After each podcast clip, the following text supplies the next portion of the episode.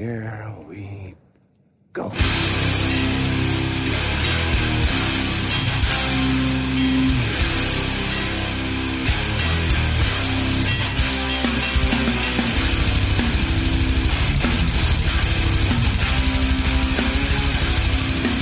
God afton Sverige! Jag, Danne Nätterdal, har den stora äran att få presentera detta avsnitt av Nere på Noll. Eh, just hemkommen från Jens fest i Södertälje. Sjukt kul att se att svensk hardcore 2022 är bättre än någonsin. Eh, jag lyckades se 10 band, alla var grymt bra. Det finns en väldigt stor variation på banden, alla kör sin egen stil och de gör det jävligt bra. Tänker inte rabbla alla bandnamnen utan kolla upp det, vilka som var där. Det var magiskt, aldrig varit mer peppad på hardcore. Innan vi kickar episoden tänkte jag bara påminna om att eh, Dannevall Tribute Tisdagen, det är prick sista chansen nu och eh, preordra den. Kolla in Kiosk Skate Shop, annars får man gå dit till butiken i Örebro och klacka en överdisk. Det har ju tyvärr varit lite längre mellan avsnitten nu på sista tiden. Men vi har inte legat på latsidan utan vi håller på och preppar inför återkomsten av förra årets succé, Sommar i Nere på Noll. Så Det kommer bli så sjukt bra. Vi har ju varit i kontakt med massa roliga personer från vår kära punk och hardcore-scen. Eh, men är det så att någon känner att eh, de vill tipsa om någon person som skulle vara kul att ha ett sommarprat av, eller att de själva vill vara med, så det är fritt fram och tipsa oss och eh, hör av er på de sociala. Ja, dagens avsnitt då, det blir ju en, blivit nästan kronjuvelen av Norrlands, nere på Norrlands specialserien. Eh, återigen, stort tack och shoutout till Bastard Burgers, som utan dem så hade det här aldrig funkat. De fixar allt från tågbiljetter till inspelningsstudios och eh, sjukt mäktigt att de tror på vår lilla podcast och eh, går in och hjälper till så här. Tycker resultatet för hela resan blev bra och vi är jävligt stolta över att vi fick till det här. Att vi klarade att ro hem alla intervjuer som var planerade. Den här intervjun var egentligen inte planerad från början. Den var inte med i den stora generalplanen för Norrlandsturnén. Men vi såg ett tillfälle och vi grep den. Eh, vi var ganska nervösa innan, vi behövde köra sten, sax och påse vem som skulle lyfta upp luren. Men jag är jävligt glad att vi fick till det. Det var ett supertrevligt möte och ni har en riktigt god intervju framför er. Man får ju nästan lite lust att gå tillbaka till tidiga avsnitt och klippa lite. Vi, eller framförallt jag, har ju haft kanske lite skeptisk inställning till vissa av de senare skivorna i katalogen. Hur som haver, här kommer en pangintervju med en snubbe som älskar hardcore. Dennis Lyxzén.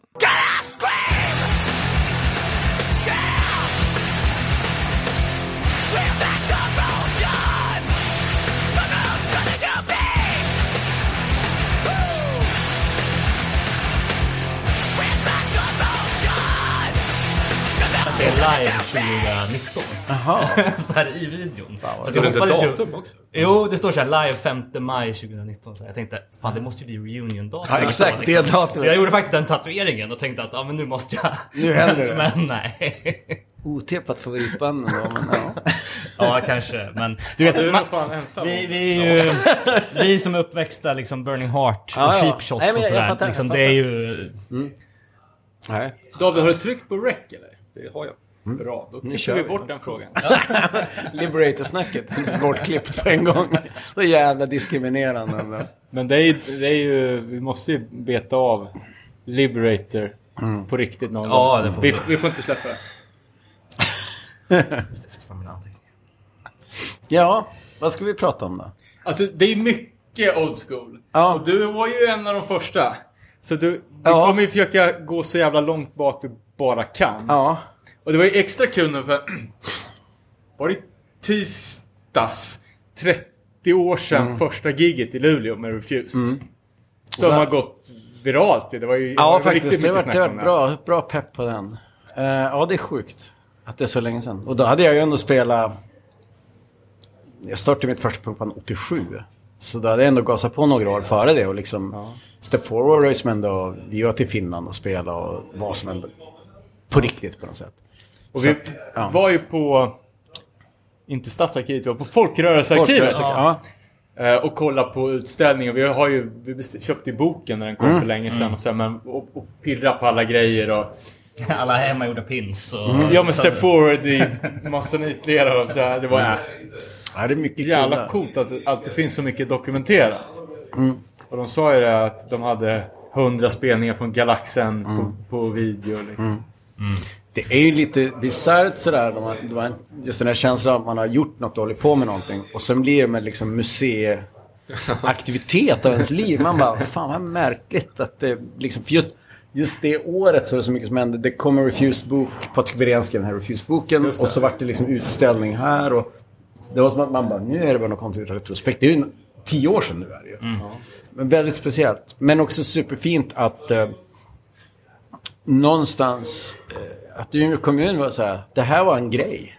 Som hade liksom genomslag.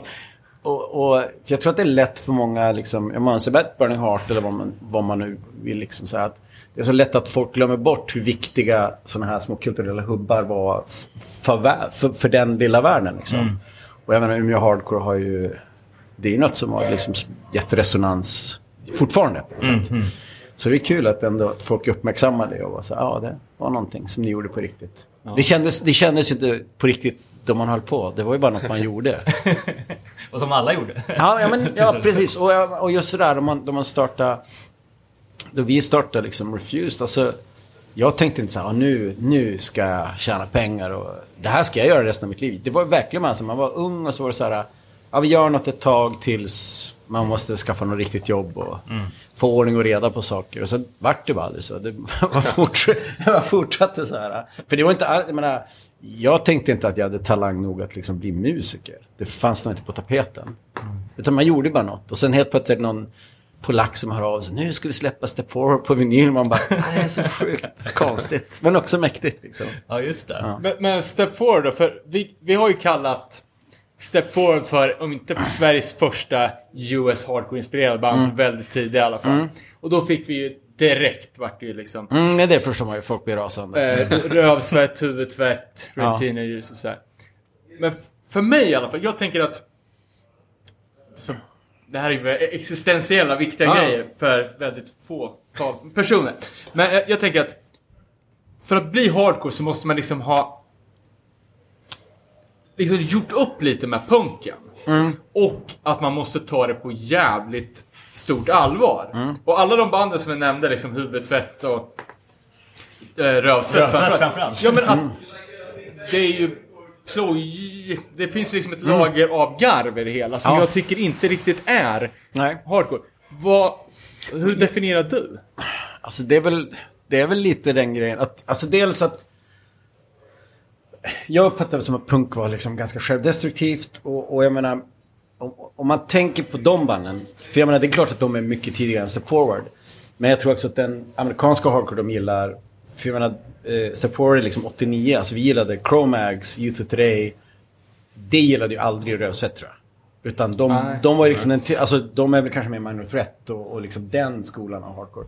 Men, men som du säger, jag tror att det är jättemycket för oss där är att det var som lite hårdare, lite råare och absolut inget ploj. Sen att det kunde vara liksom, att det kunde vara kul på spelningar och så, men, men just den där liksom lite så här putslustiga grejen som svensk punk ibland haft lite problem med. Ja. Sen älskar jag gammal svensk hardcore, jag tycker det är helt underbart och tycker Rövsvett är grymma, men det är också Jesus var en tomte. Det, du vet, det är någonting som, som är lite annorlunda sådär. Um, men vi var väl, jag tror, um, vi kanske var det första bandet som var lite såhär, vi är ett straight edge band. Alltså just det där Youth Crew. Ja. Det var ju absolut först i Sverige. Sen finns det ju många såhär Svart Parad och sådana här. De bara, ja, men, alla i bandet var straight edge någon gång. Men vi Inte var, det var ju liksom våran lite identitetsgrej. Att vi, så här, vi är ett straight edge band, bara, vi älskar Youth Today. Att det var, och, och Sick Overall och vad det nu var. Så att det var ju liksom en... Jag tror att det särskilde oss lite grann. Och jag var ju punkare ett litet tag. men att vi var ändå mer sprungna ur hardcore medan det känns som att Svart Parad och så att de var liksom punkare som bara spelade liksom jävligt rå och snabb punk. Ja. Så att det kanske är lite skillnad. Um, sen är det ju supermycket respekt för alla de banden som var liksom uh, ban banbrytande i, i, sin värld. Men just det där, jag, jag, tror just det där Youth Crew, amerikansk hardcore var vi nog liksom först med, med att göra. Ja. Ja. För vi, vi har snack, snackat, vi snackade med ja, det som blev Within Reach sen då. Mm. Lifeless Image. De hade ju demo ute redan 89. Så det verkar ha funnits liksom där runt 90. Mm. Precis. Vil, vilka det- mer band känner du till? Alltså, det behöver inte vara band som Nej. har släppt någonting, men bara ord liksom. Läste något Alltså- scene eller... I Sverige, alltså den, den typen av hardcore var ju ganska... Jag vet att vi spelade med... Men kanske till och med Refused Now, kanske, kanske till Public Vision från Ja, Uppsala som spelar någon slags New York-influerad. Och så fanns det ju de, liksom Gävle-gänget, det som vart liksom Ashram och de där. Så det fanns ju lite, men, men det var också så här... Ska man också veta isoleringen att bo uppe i Umeå. Och tänka liksom att ja, men resten av världen har säkert svincoola hardcore-scener. Och så åker man till Stockholm och Göteborg och bara, här finns det ingenting. Det finns ingen som gillar det vi gillar och ingen som är inne på det. Var ju väldigt speciellt. För vi tänkte ju givetvis, man är, liksom, man är från småstan, tänker ja men det är klart. I Stockholm, där händer det. Det måste vara svinmycket hardcore.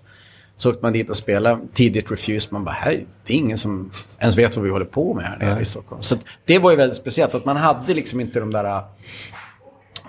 Vi hade kanske inte jättemycket kopplingar till resten av Sverige egentligen. Vi var i Finland och spelade. Sen kommer jag ihåg tidigt med Step Forward att, att ehm, jag var så jävla pepp. Så jag, jag brevväxlade med liksom Manlifting Banner och Scene Red och du vet, de, de så europeiska så straight edge banden som vi gillar. Så att, men i Sverige var det inte så många band som vi kände, bara, men vi, du vet, det här är liksom våran scen på något sätt. Sen är det svinkul, vi var med på en Really Fast-skiva med Step Forward. Och så fick vi veta långt, långt senare att, att Really Fast-snubbarna, de bara, "Nej, men vi, de vill ju släppa en Step Forward 7 Okej. och det förstod aldrig vi. Det var som att vi bara, ja, vi skickar de här låtarna. Sen la vi ner och så startade vi Refused. Och så långt sen berättade de bara, Patrik och, och Staffan, men alltså, vi, vi tyckte Step Forward var svinbra. Vi ville liksom släppa, en, släppa Step Forward på Really Fast. Vi bara, ja, det missade vi helt Det, liksom. det är väl aldrig för sent. Nej, det kanske Men nu är, nu är, ju, nu är, nu är det ju återsläpp på vinyl. Det är jävligt Ja, det coolt faktiskt. Ja. Att få göra det. Det var väl pandemiprojekt vart det. Ja, det är som okej. har legat i flera år. Och han... eh, Rob, Robert från Refuse Record har hört av sig flera gånger. Och jag bara, jo, vi styr, vi styr. Och sen kom ju pandemin och jag bara, men nu har jag inga ursäkter att inte styra det här. Nej. Så det var lite kul ändå. Okej, det är på Refused den här Ja, Refuse, Refuse Okej. Records. Ja. Cool. Men vad, vad var det med, liksom, med US Hardcore, liksom, som, som du fastnade för? Som du tyckte inte fick från, ja men från punken eller från thrash? Um, alltså det... Dels var det ju ganska, alltså Youth of Today, Minor Threat, det var ju så jävla kompromisslöst. Alltså det är ju liksom, de lägger liksom inte fingrarna emellan. Och jag tror för mig, för jag var liksom thrash-kille. Jag älskar liksom Anthrax och, och Megadeth och ja, thrash metal helt enkelt. Och ville spela men tyckte att det var jag var ganska dålig, dålig på att spela. Och då upptäckte jag, för min väg in i, in i hardcore punk var egentligen crossover. Alltså den första grejen jag hörde var väl, det var Agnostic Front, Victim in Pain, det var Cro-Mag, Save for Coral, det var Crumbsuckers Life for Dream. Den var ju en supertidig skiva för mig. Så, att, så att min väg in var de grejerna, DRI, både Dealing with It och Crossover-plattan. Plus en, en del så Dead Kennedys och sådär. Men, men min väg in i hardcore var väldigt mycket via Crossover. Där, där det fanns ganska tydliga överlapp från Thrash. Ja. Så att för mig var det som bara, åh det är typ som Thrash fast det är enklare låtar, det är korta låtar, det är mer komprimerat. Alltså att jag tror att det var en stor del av att jag upptäckte hardcore. Och då kom liksom Minor Threat och Seven Seconds, just det säger Negative Approach. Allt det kommer liksom på den, i, i den svängen på något sätt.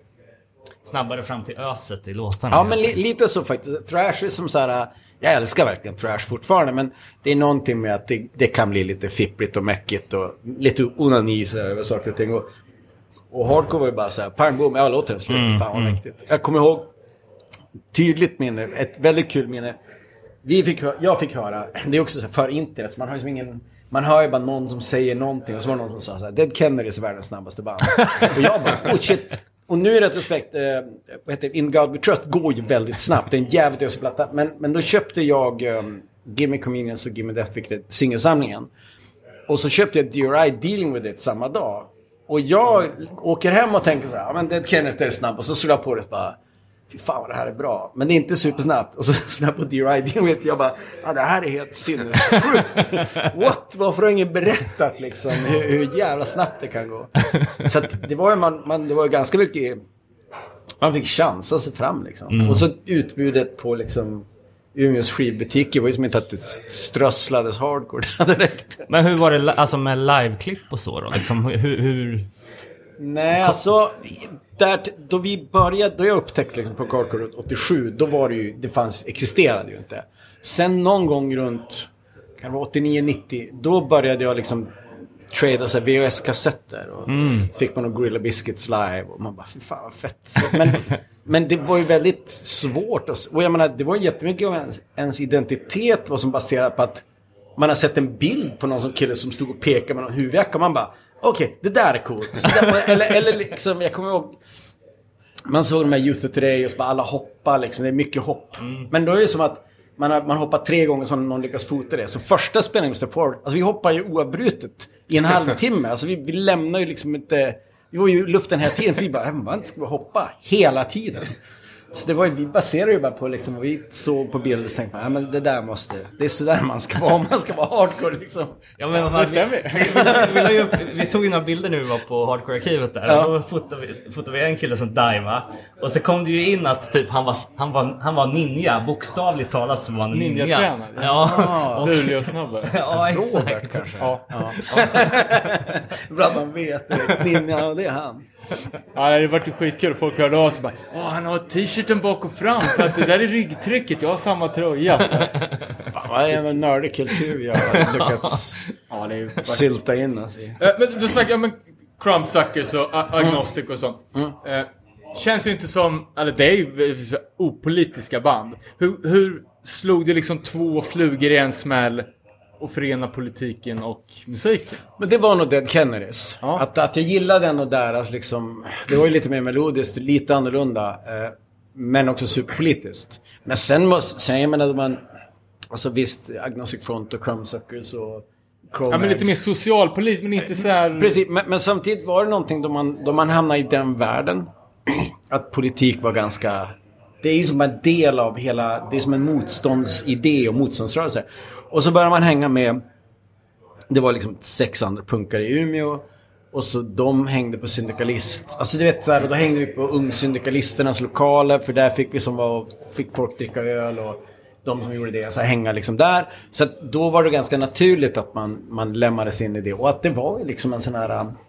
Eh, en känsla av liksom en motståndskultur. Att det var motståndsmusik liksom. Och hela Reagan-era, hardcore liksom. Så, här. så att, det var inte så långt bort ändå. Även fast just de banden var ju kanske inte en del av no- Agnostic Fronts mer politiska, ni ser inte situationstecken, men politiska texter är ju kanske problematiska. Ja, en del av dem. Så att, men, men, just den där um, ja, men känslan av att man, någonting- man vill att något ska bli bättre. Liksom. Eh, så var det ju. Eh, vi var ju träffade din brorsa Jonas och skejtade för bara några timmar sedan. Och han snackade om bandet By No Means. Ja. Eh, och jag har inte fattat att de var så jäkla tidiga. Nej, det var sjukt tidigt. Men det, jag är med i Bang Ja, Means och spelar precis. gitarr och David är med. Och sen är brorsan och en kille som heter Håkan. Men ni var liksom Ja, vi var lite, intvingade. ja, men vi var lite såhär, brorsan ville starta ett band. Och vi bara, ja, men jag kan spela gitarr. Men det är tidigt. Det är liksom tidigt 90-tal. Alltså det är liksom samma veva som ganska vi har startat Refused runt den svängen. För vi spelade ju ihop Refused och så gjorde vi By No Means. Men vi spelade bara, jag tror att vi kanske bara spelade tre spelningar. Med oss, de kan ha spelat några mer spelningar utan mig och David. Men det är tidigt. Det, är en, det var morsan och farsan och kollade på oss. Så gick de ut och så sa de jag skäms, det var sämst jag sett. Ja. Vi spelade på aulan på Hammarskolan i, i, i Vännäs. Så Jonas måste ha gått kvar liksom i skolan och så skulle spela där. Det var riktigt grisigt. Okej, för det är många som lyfter fram den demon som en av de coolaste från Ja, den är tiden. rå. Den är- Det är Better Change och den, typ Ja. som folk... Ja. Better Change är också verkligen en sån här demo som är... liksom en sån här pärla som aldrig riktigt utan, utanför norra Sverige så var ganska få som kände till Better Ja. Change. Men den är ju ja, riktigt vass. Ja, den, den ligger uppe på svensk hardcore kulturs eh, Precis. Soundcloud. Här, Ja, just det. Ja, Men det är också den, en- den är grym. rap. Den är riktigt bra faktiskt. Men det var Bridge Thomas, Pelle G. Ja, undrar vilka mer det var. Det var någon mer av Breach-snubbarna tror jag det var. Det är lite oklart. De spelar... Jag, jag tror aldrig jag såg dem live. Alltså jag tror att de spelade så sjukt få spelningar. Men grym demo verkligen. Ja, ja, det blir någonting att- när vi åker Ja, det får ni vidare. nysta i då ni Ja, åker ja. upp till Luleå. För det är ju liksom... Det är jävligt coolt. De, det var ju, just här var det så jävla... Helst då, då det vart liksom lite mer 90-tal, alltså efter Step Forward. Det vart ju ganska mycket Youth Crew, det var väldigt mycket straight edge. Så var det inte i Luleå kan jag säga. Det var Nej. ju som en helt annan... eh, Det var mycket mer destruktivt och mycket mer... Mycket råare i Luleå måste jag säga. Än det var här. Ja, nej, för li, lite hela... Tänket med den här trippen är ju för att försöka få, få känsla för Mm. olikheterna mellan de två scenerna. För det man s- såg liksom Mm. direkt. Ja men, Refused Abinanda, de är straight edge, de är Mm. politiska. Breach Raised Fist är det inte. Och Fireside och liksom Ja. hela... Jo, nej verkligen. Det är, en ganska, det är en ganska stor skillnad. Och, och jag vet inte om det är så här... uh, Umeå universitetsstad. Det är liksom... Nu, det är ju speciellt, jag menar, jag och David är ju 0% från universitets... Du vet, Bakgrund. bakgrund eller ha en familj, akademikerfamilj. Utan vi är ju verkligen så arbetarklass-kids. Men jag tror att det präglade staden i det stora på något sätt. Att det var vä- det är en väldigt röd stad, väldigt mycket liksom studenter. Så det är klart att det präglar lite grann. Och Luleå är ganska mycket ruffigare, hårdare, råare. Bruksstad. Ja men bruksstad och, och det, det märks, jag tycker att det, det märks i musiken. Liksom, på, ett, på ett sätt som Umeå är lite, lite mer safe faktiskt. Men eh, hur, hur, för det fanns ju fantastisk infrastruktur för, för band. Mm. Alltså, vi har pratat om fyra eller fem fritidsgårdar med scen, med replokaler. Mm. Alltså, hur många studios fanns det inte liksom? Mm. Hur, vet du hur det såg ut i Luleå? Om de hade... Alltså det, jo, det fanns ju en del ungdomsgårdar där också. Men de, det var lite mer att man spelade på... De var ju lite mer så här att man ordnade, man hyrde någon liksom festlokal någonstans. och så var det ja. lite mer vilda västern. Jag menar Umeå var ju väldigt mycket så här, man spelade på ungdomsgårdar. Galaxen var ju en ungdomsgård. Men sen spelar man på Mariehem, man spelar på Athena, man spelar på Ålehemsgården. Och, alltså du vet, spelar liksom runt på ungdomsgården. Medan i Luleå var det lite mer vilda västern. Att de, de hyrde Lillan och sen var man ute i Bärnäset på någon så här festlokal som någon hade hyrt. Så det var lite mer så. Men det får ni, ni får kolla med dem.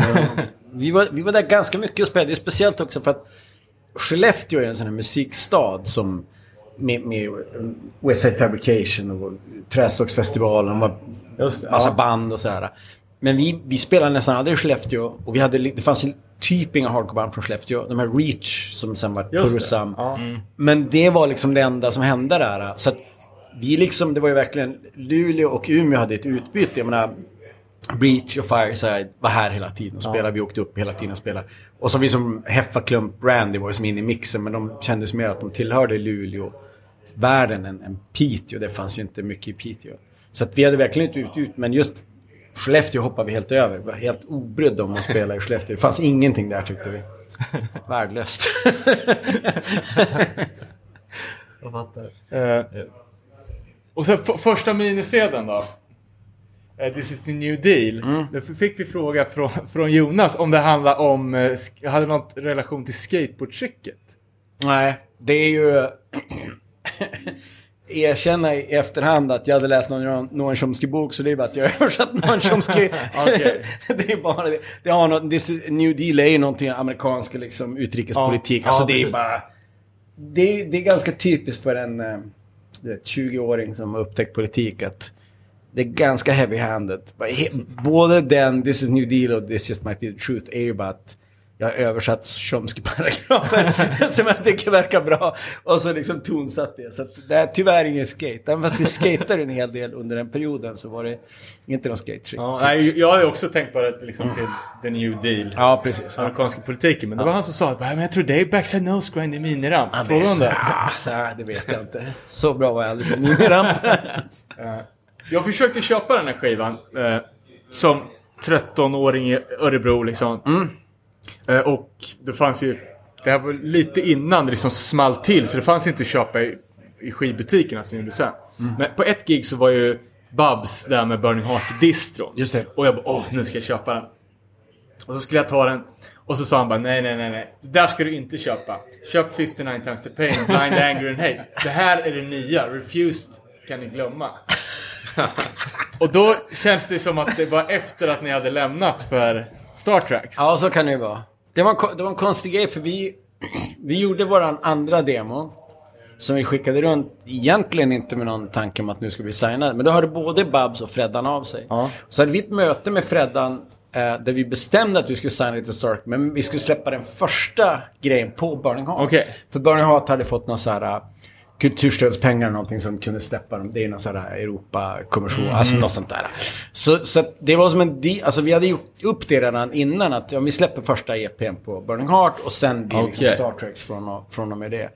Ehm, ja men så, så kan det vara. Sen är det klart att eh, 59 var ju väl från Fagersta. Att det var hans homies liksom. Men, men, men jag kände redan då som litet kid att han var lite pojken. Liksom. Ja, Men jag förstår, alltså Burning Heart. Det var, kan det vara? Burning Heart 3 liksom. Ja, de hade ju ingen precis. katalog. nej nej nej verkligen inte. Så att lämna Burning Heart då var väl liksom ingenting. Men Nej, vad hade Star Var ni först ut på Star Trek? sen? Ja, det var ju Chicken Brain Records. Ja. Och så bytte han namn för han lite ny riktning sådär. Så bytte han till Star, Trek. Men vad släppte han under Chicken Brain då? Chicken Brain släppte ju Rape Teenagers och Ah, det är eh, Anticimex och Puke och ja, Krigshjälters. Släppte mycket Ah, bra grejer. Alltså verkligen. Han var ju liksom Far Out hade han en skivbutik i Stockholm som hette som, där vi alltid var liksom, då vi började hänga i Stockholm där sent. 80 tidigt 90-tal var vi alltid Far Out och så hade han ju alltid mycket bra hardcore. Jag köpte Crippled Youth 7 där en gång vet jag. Join the fight. Ja, det är fantastiskt alltså. Det är ju nästan... Ja. Det är ju Ja, men- hj- hjärtat av hardcore är. Den är så jävla cool.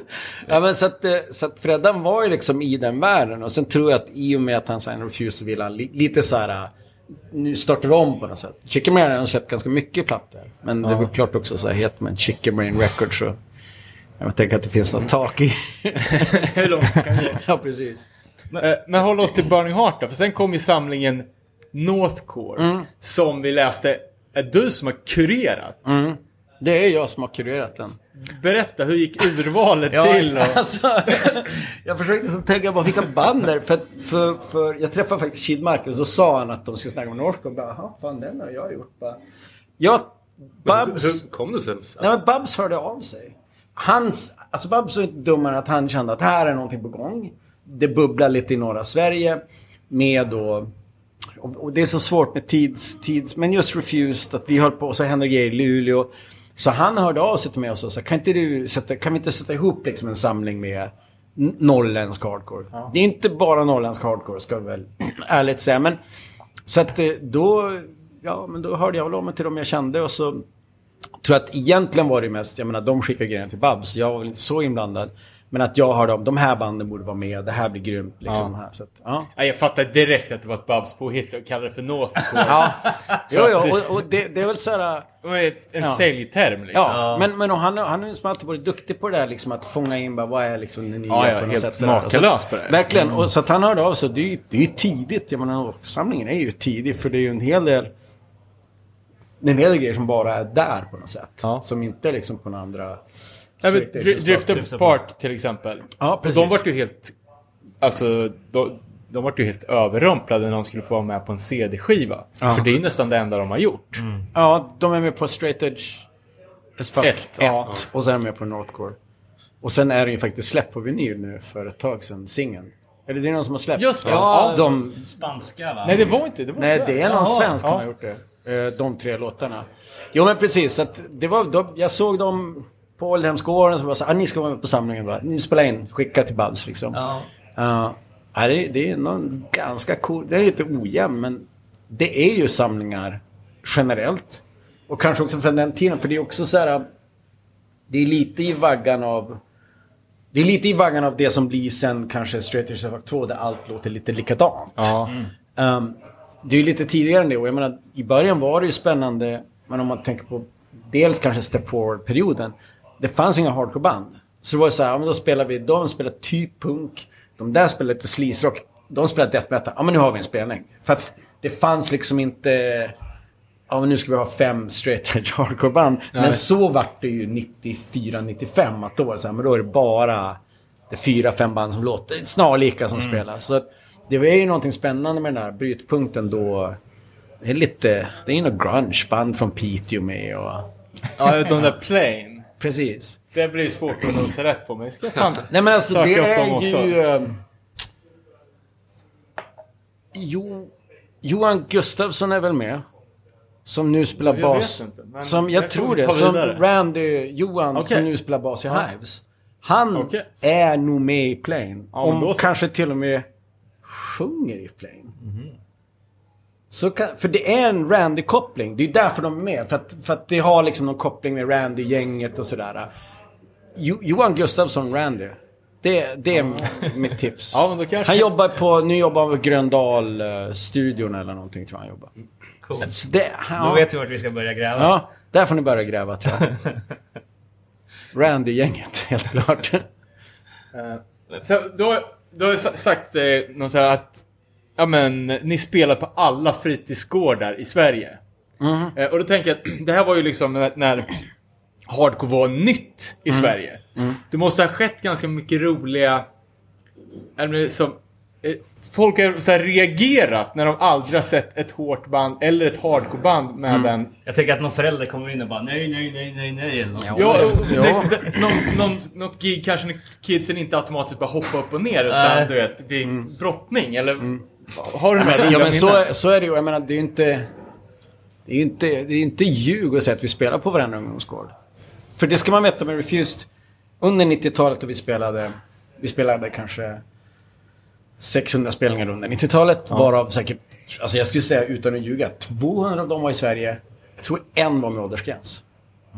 En spelning av 200 spelningar. Vi bara, ah, shit det var åldersgräns, vi kan inte göra något åt det. Så vi spelade ju bara på liksom all ages-spelningar. Och då ska jag säga att över hälften av dem där var ju på ungdomsgårdar. Ja. Så vi spelade ju Jo, man spelade ju i... Ja men, vi var ju Gislaved fem gånger och spelade. Du vet, man spelade liksom i Västervik och man spelade liksom, alltså hålor verkligen. Ja. Och det är klart att det var ganska, alltså dels kunde det ju vara att det inte var så mycket folk. Ja. Och det som du säger, ibland var det som att man bara, nu vet jag faktiskt inte vad som händer här och folk dansar och, och alla scener, hur små de än är, har ju som sina egenheter. Att bara, men där är det- gillar de den här grejen och här gillar de den där grejen. Så det var ju superkul för att, som du säger, det var, det var ganska få som... Alltså, dels att hardcore var verkligen nytt för folk. Alltså det var ju inte nytt så, men Nej. just, just där att det varit någon slags eh, synliggjort. Ja men det sätt. var ju så underground så man hade ju inte kunnat stöta på det Nej. på TV eller någon E- annanstans. Exakt, och jag menar det är klart att det existerade i, sina liksom små zoner i, Sverige tidigare. Men just det där med att vi var, vi var ju överallt och spelade. Varenda liten håla. Så det är klart att det var ganska mycket sköna kulturkrockar. Och det är så här, man spelar, det är ju så superklassiskt. Vi spelar Karlstad med Refused to 108 och så är någon säkerhetsvakt som liksom tycker att nu går det överstyr. Så han går upp på scenen och ska bryta varav liksom basisten Refused sparkar i ryggen så han flyger av scenen. Och så arresterar de sångaren i 108 som får sitta i häktet hela natten. Och det, alltså det är sådana där grejer. Man bara, ja, det skulle inte hända idag. På en ungdomsgård alltså. Sådär. Så det, är, det var väldigt speciellt. Väldigt kul var det också. Och det, det tror jag så här med... Man kan kolla liksom tillbaka på... Man kanske främst Refuse som... ehm, ja, vi vart ju superpretto. Superjobbiga vart vi som... Ju, mer, ju, ju längre tiden gick. Och i början var det ju bara kul. Och visst, det var mycket politik och det kunde vara, det var straight edge och veganism. Men på det stora hela var det liksom att, att det hände någonting här i Umeå var ju för att det var så kul. Alla spelningar var ju bara, jag menar, ni har ju sett liksom film, det är ju bara kaos.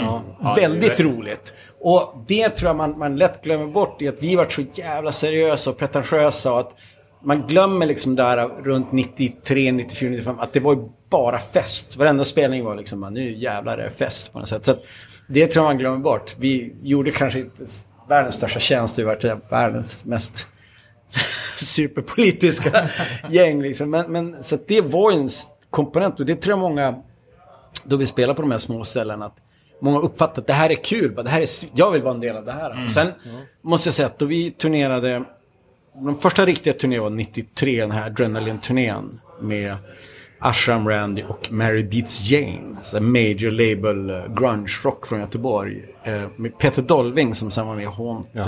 Han sjöng i det bandet. Och de var så här, de vann Grammis och så de skulle som headlina och vi blåste bort dem varenda kväll. Och efter spelningen så stod, alltså jag skojar inte om varenda kväll så stod jag och Dag på någon parkering i fyra timmar och pratade med alla som ville prata med oss. Och så kom han tillbaka ett år senare och så var det helt plötsligt 100 pers till. Och så var det tre hardcoreband. Och så åkte man till Vänersborg och så bara, oh shit, här finns det liksom, nu finns det åtta hardcoreband i Vänersborg. Så att det var ju någonting som hände, inte bara vi, men att någonting organiskt som skedde. Och just det där att vi bara, vi ska prata med alla, vi ska ta oss tid och verkligen vara ambassadörer för det vi gör på något sätt. Så det tror jag var superviktigt. Men det är så de säger också att liksom, Youth of Today gjorde när de giggade varenda Ja. stad i hela USA. Ja. Och sen blev det Youth Crew-vågen i varenda stat. Ja. Liksom. Men jag tror att det är en viktig komponent på något sätt. Och det tror jag att jag upp- uppfattade ganska tidigt att jag är aldrig intresserad av att bli en rockstjärna eller att nu ska vi liksom. Utan att en av komponenterna med hardcore och punk var den här att ja, men nu spelar vi och det är så tydligt på Galaxen-spelningen att nu spelar vi och sen byter vi bara plats. Bara, Han var ju precis så stage där, nu ska han spela gitarr. Och så byter man bara. Att det var en så jävla viktig del av av hur vi förde oss och hur vi såg på liksom scenen på något sätt. Ja, men vi gör det här tillsammans. Visst, sen är det klart att det kan bli grupperingar. Att man har gjort någonting länge så blir man som det är eliten. Eller du vet sådär. Men, men, men rent som, som eh, utgångsposition så var det väldigt mycket bara, men det här gör vi tillsammans. Bara, det är svinviktigt att vi gör det här ihop på något sätt. Ja, och inträdeskurvan var ju aldrig speciellt hö- hög, hög heller eftersom Nej. det var alla åldrar. Ja men precis. Och, och jag menar, det var, jag menar, det har ju Umeå lider ju fortfarande av det här att spelarna kostar liksom 40 kronor i massa år och nu är det som att någon, man ska ha någon spelning på verket bara kostar 60 spänn, jag går inte dit. Man bara, "What? Har du varit på spelning någon annanstans i världen? Va? Inflationen har legat helt still i Umeås punkscen liksom. Nej, men så det, det var ju verkligen så alla kunde ju komma på något sätt och, och det tror jag var en superviktig del av eh, att det kändes roligt och inkluderande liksom. Ja. Ja, men vi snackade om det här liksom också. Hur... Men alltså här, här i Umeå att alla tonåringar, barn, ungdomar kom in på hardcore. Under en period. Jag förstår det alltså. Har man sett en hardcore-spelning Speciellt när det är så bra med folk och sån jävla pepp. Alltså det kan, ingen människa kan Nej. gå det obemärkt förbi. Nej, nej. liksom. Det är ju det fetaste som Nej, det är svårt finns. att värja sig från det. Den energin på något sätt. Och jag, jag tror att vi hade jättemycket folk på våra spelningar som i efterhand var bara såhär, jag gillade inte hardcore. Nej. Jag bara älskar att gå på spelningar för det var så jävla kul. Jag förstår, ja Och, och, att, absolut. och att det var ju många, men det märker man också som i Umeå som musikstad, att man märker så här. Du vet, alla från liksom Deportees till Kulturluna, alla startade ju spela hardcoreband från början. Och sen har man blommat ut och gjort andra grejer och gått vidare. Så, men att det, det, fin- det är ganska få liksom mellan, och nu börjar man vara gammal, men mellan 30 och 45 som, som inte varit liksom berörda av hardcore-världen. Så det är väldigt kul. Mm, många som börjar spela då och sen bara fortsätter. Ja, var ju hemma men hos. Marcus igår Ja, och kollade in precis. hans.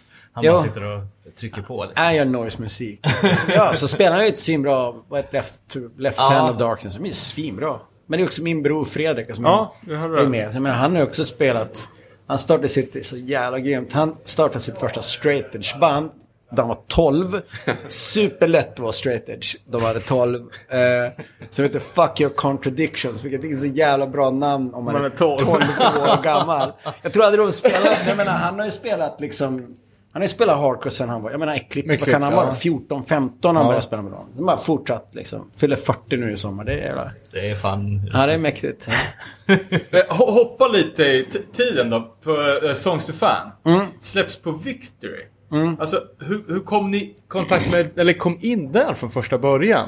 För Donuts var ju först ut på Victory. Ja, precis. Och det känns ju inte som det gick asbra rent kommersiellt. Jag vet faktiskt inte. Jag menar, de turnerade i USA. De Ja. turnerade i Europa. Och jag menar... Alltså jag skulle så gärna vilja höra om det. Alltså, Ja, alltså, det, komma från Umeå och turnera Sara- med dem. Ja. Band, nå- jag tror de måste turnera med Madball. Ja, de har turnerat. De gjorde en USA-turné med Snapcase. Och sen gjorde de en Europaturné med Crown of Thorns kanske? Så, vilket är ju helt sjukt om man tänker på det. Sara har jättemycket roliga historier som hon bara inte vill berätta. Och de var på turné med Snapcase, vart de hade tagit triangeldramor för att du vet sådär. äh. Sen, sen tror jag att, jag tror att Victory, vi, vi släppte ju första CD-EPn, den här Equalize Nature släppte vi på Desperate Fight. Och sen tror jag att liksom Victory, jag menar liksom där och då att, att det var lite sån novelty att det är fem tjejer, det är straight, det är metal. Absolut. Ja, ja, ja, och att ja. Victory bara, men det här måste vi signa. Så att, det var ju mäktigt att de hamnade på Victory. Jag menar, de turnerade i USA 95. Alltså, Vilka har gjort det? Ja, men jag menar det. Det är ganska få. Och jag menar de var 95. Alltså de var ju såhär. Det var ju flera bandet som, alltså de var ju såhär 17. drar på USA, såhär, sex veckor i USA liksom. Um, sen tror jag att vi... Uh, This Just Might var släppt på WeBite. Ja. Som hade ett kontor... De hade någon sån här WeBite USA som Victory Records hade hand om. Okej. Och sen turnerade vi med Snapcase. Vi kanske bara spelar med dem. Det är nog songs vi turnerar med dem. Men, så vi hade ju som hängt med Snapcase och liksom Earth Crisis och den världen. Så det var nog inte jättelångt bort att Victory ville släppa plattan liksom. Och, och Tony Victory, alltså han känns ju lite som en amerikansk Babs. Alltså, Ja, men han, det kan man väl han säga. kan Ja. plocka upp grejer. Ja, men liksom. precis. Sen kan man väl säga att Tony Victory... Vi har inte fått en krona för den här skivan. Alltså jag tror att han skyllde oss 250 000 eller någonting. Och det kommer jag aldrig få, men det... Man lever och man lär. Av sådana såna grejer. Vet du vad som hände med Mission 2? Tonys nya bolag. Nej, jag har ingen aning. Alltså jag är lite såhär, den, inte den världen, jag orkar inte. Nej men, Jag förstår, storyn är, ja, ja, Victory såldes ju på auktion. Man kunde Ja. ju köpa domän, kontorsmöblerna, katalogen, alla testpressar Och rättigheterna. och rättigheterna. det är ju lite speciellt. Och sen typ ett halvår senare, för han signade ju upp, startade direkt nytt bolag. Ja. Vilket man tänker, okej du gör en konkurs, får inte starta exakt likadan verksamhet direkt. Ja, just Men det. det gjorde han ju och släppte, och signade upp Chromax, han signade upp Insight Jaha, det är han som har släppt. och gjorde den där Insight Ja, ja, 12 va? just det. Och något mer, ja men uh, Dave Smalls nya band Don't Sleep. Ja. Så han hade ändå tre, ja, visserligen gubband, Ja, ja, ändå men ändå, väldigt ja. liksom, Ja. etablerade grejer. Och börja jobba med det. Och sen så bara rullgardinen ner, helt dött. Ja, det är så. Så, så jag, jag, Scam. Ja, men det är väl också sådär sådana där snubbar. Alltså, nu ska vi inte sitta och snacka skit om Victory hela dagen. I och för sig har jag inget emot det, men sådana här snubbar då man liksom gör lite en affärsidé av att man... Det är lite shady hela tiden. För jag menar, jag kan ju säga att Refused är väl inte det första bandet som har sagt att Victory skyldig oss pengar. Det är ganska många under åren. Och till slut kommer det väl kanske ikapp att det går liksom inte att bedriva en affärsverksamhet där man hela tiden... Eh, ja, Blåser. blåser folk helt enkelt. Ja men så är det ju. Nej men så att de... Det är kul för vi, de släppte Songs till fan. Och så fick vi åka till USA och turnera med Snapcase. Och vi fick ju en hel del skit. För att vi låg på Victory. För att den släpptes ju precis samtidigt som One Life Crew-skivan. Ja, just det. Eh, och då hamnade Victory ganska mycket i blåsväder. Och, och den, liksom, den scenen i USA var den ganska liten och ganska så här... eh, men det är mycket folk som har mycket åsikter. Det är helt grymt. Men så då vi turnerade med Snapcase 96 så fick vi ganska mycket skit. För vi var ju dessutom... 96 var vi i vår liksom, absolut krustigaste period. Vi, vi såg ju bara ut... Jag bara... Jag älskar liksom... Du vet, vi hade så här Profane Existence t-shirts och bara älskar liksom hela... Scream och noise-grejen och var super, super politiska och såg ju inte... Då hade vi som... Vi såg inte Youth Crew för fem öre utan vi kom ju och såg helt... Gäng vilda galningar. Så det var som att... Det var väldigt speciellt för hela den här Victory... De som älskade Snapcase och Earth Crisis. De tyckte vi var för punkiga. För liksom, vi hade så punkig approach. Och punkarna tyckte bara, ni ligger på Victory. Ni är sellouts. Så det var så konstigt såhär manövrerat. Ah, ingen gillar oss. Alla, du vet, det, det är för lite så eller för lite Ja, så. ja. Så det var superspeciellt. Och Shape är ju ganska mycket en, en reaktion på den turnén. Att vi kom hem och vi bara, ja, ingen gillar oss. Bara, punkarna tycker vi liksom, spelar för mycket metal och det liksom ligger på sellout-bolaget. Och, och du vet såhär, Youth Group-människorna tycker bara att det här jävla politiska. Alltså vi fick ju så här mycket hat, vi pratade så mycket politik också. Jag var ju som i min värsta... min värsta era av liksom politiskt... Liksom, Nej, men jag, jag, tror, jag, alltså, jag gissar att man kan inte riktigt ha föreställt sig hur hardcore-scenen var i USA förrän man kom dit. Nej, ja, men så var det ju. För att Alltså, till Voice of Generation som Mm. exempel. Ja. Eh, De åkte på sin första skinhead-turné i Tyskland. Och när de kom hem så hatade de oj. Ja, men det, Det känns kan som man att det förstå. var lite Ja. samma för er, att ni var inte riktigt beredda på hur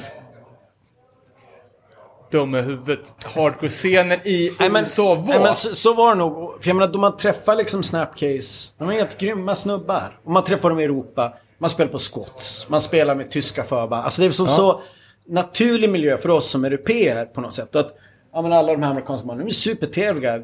All, alla helt grymma. Och så kommer man till USA. Och så är liksom Snapcase det radikala gänget. Och deras publik är ganska mycket bara braksvänner som gillar hård musik. Och det är klart att det krockar, för vi var ju om, om man liksom tänker att Snapcase var liksom...